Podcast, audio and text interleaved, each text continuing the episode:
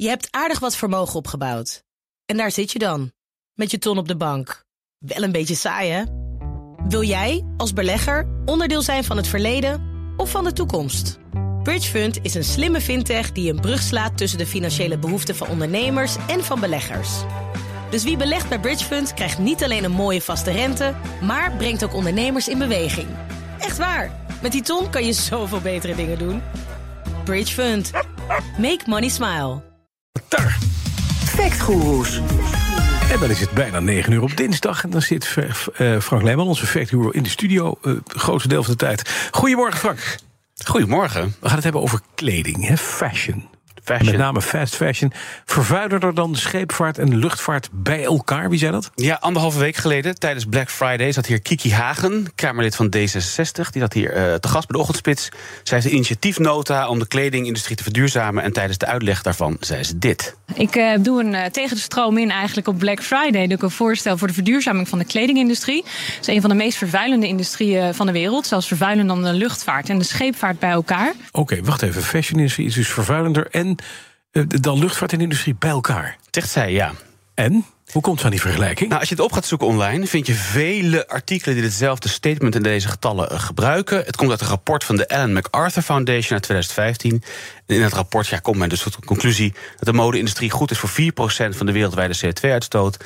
Luchtvaart is ongeveer 1,9% van de wereldwijde. En uh, scheepvaart 1,7% mm-hmm. van de wereldwijde uitstoot. Samen dus 3,6%. Dus ja, dan is kleding meer dan dat. Ja, dat blijkt. Hoe hebben ze die uitstoot berekend eigenlijk? Hoe, hoe zien de cijfers eruit op basis van het rapport, dat Ellen MacArthur Foundation rapport? Precies. Het rapport van hun is eigenlijk een samensmelting van een rapport uitgevoerd door McKinsey, het Amerikaanse kantoor, uh, waar de, McKenna, uh, de Ellen MacArthur Foundation zelf getallen aan toe heeft gevoegd. En hier val je ook meteen een soort van konijnhol in, de rabbit hole. Want we hebben dus dat getal van McKinsey. En dan zeggen ze van de Ellen MacArthur Foundation... we, voelen daar nog, we voegen daar nog wat categorieën aan toe. Maar de cijfers in hun categorieën... dat zijn zoals ze het zelf noemen uh, conservatieve aannames. Zonder dat daar dan verder een methodologie bij zit. Oh, dit is een beetje natte vingerwerk, maar dan... Het leest een beetje nat vingerwerkerig. Maar dan met spaarwater, dan is het nog een beetje natte vinger ja. die ergens over... Ja, ja, okay. En wanneer je naar het McKinsey-rapport gaat dan wil je daar ook graag een berekening zien. Maar dat verwijst weer naar een rapport van consultancybureau Quantis. Mm-hmm. Maar de cijfers in het rapport van Quantis komen eigenlijk van een partij... die heet de Fiber Year. En nu heb ik de Fiber Year gecontact en die zeggen... wij hebben die CO2-berekeningen helemaal niet. Dus dat schiet lekker op. Dus ergens dat er een duim tussen van iemand. Ja, of een verkeerd voetnootje, maar het is okay. in ieder geval erg rommelig. Maar, maar, en, wat, ja? en wat opvalt nog, is dat ze een volledige lifecycle analysis nemen. Dus ook de stroom die nodig is voor de winkels... en de stroom voor het wassen thuis... Neem je mee. en de energie voor afvalverwerking zit daar ook in. En als je dat dan weer eruit zou halen... kan je ongeveer 25% van het getal afhalen... en dan zak je naar ietsje minder dan scheepvaart plus luchtvaart. Oké. Okay. Maar zijn er andere cijfers waar we ons wel op kunnen baseren? Wat minder natte vinger technisch in elkaar zit? Uh, oudere rapporten bijvoorbeeld? Ja, nou, ik sprak Pieter van Exter, Director Sustainable Industries bij Metabolic. Een, een partij die nou, ook dit soort van berekeningen doet en analyses.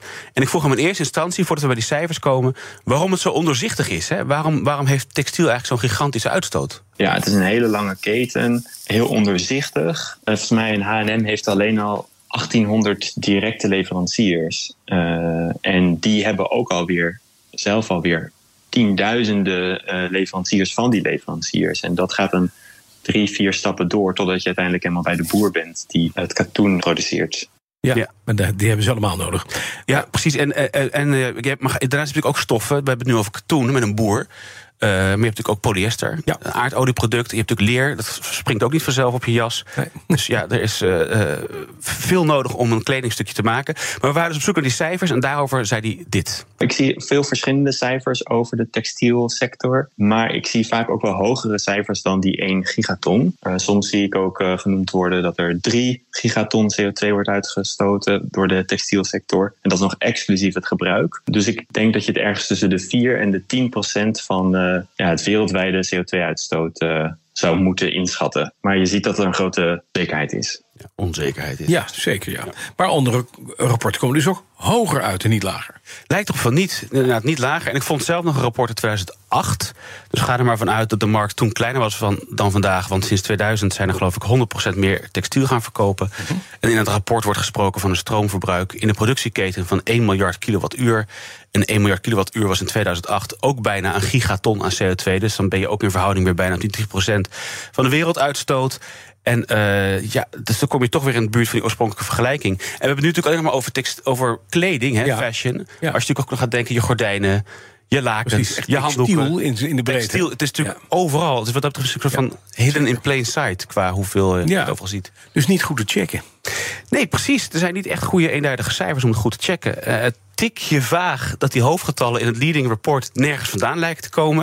Het kan een foutje zijn, maar gek is het wel. Maar ja, als je alles wat er tot nu toe ligt bekijkt, dan is het een beetje de vraag: is het heel erg of is het heel erg erg? Ja. Eh, en dan nemen we bijvoorbeeld dingen als grondwatervervuiling nog niet eens mee. Het gebruik van insecticides en pesticiden. Want cartoon heeft geloof ik eh onevenredig grote deel in het wereldwijde gebruik van pesticides. Mhm. Nou ja, microplastics, microvezels, oppervlakte, Eh, kortom, Alle ellende mee. alle ellende mee. Het is is gewoon, het is gewoon ruk. Dus je kan beter naakt door het leven, dat is beter. Eh, geen warme trui, maar lekker in het vliegtuig naar een warm land. Oh ja, dat is een Dat goed plan. ook weer. Oh nee, tot het vliegtuig. Dat dan weer niet. Nee. Mwah. We, gaan, we kunnen ook jou checken, hè? Ja. Weet je, dat je dit soort dingen niet, niet moet zeggen. Frank Leeman, onze fact guru. Elke dinsdag is hij er. Je hebt aardig wat vermogen opgebouwd. En daar zit je dan, met je ton op de bank. Wel een beetje saai, hè? Wil jij, als belegger, onderdeel zijn van het verleden of van de toekomst? Bridgefund is een slimme fintech die een brug slaat tussen de financiële behoeften van ondernemers en van beleggers. Dus wie belegt bij Bridgefund krijgt niet alleen een mooie vaste rente, maar brengt ook ondernemers in beweging. Echt waar, met die ton kan je zoveel betere dingen doen. Bridgefund. Make money smile.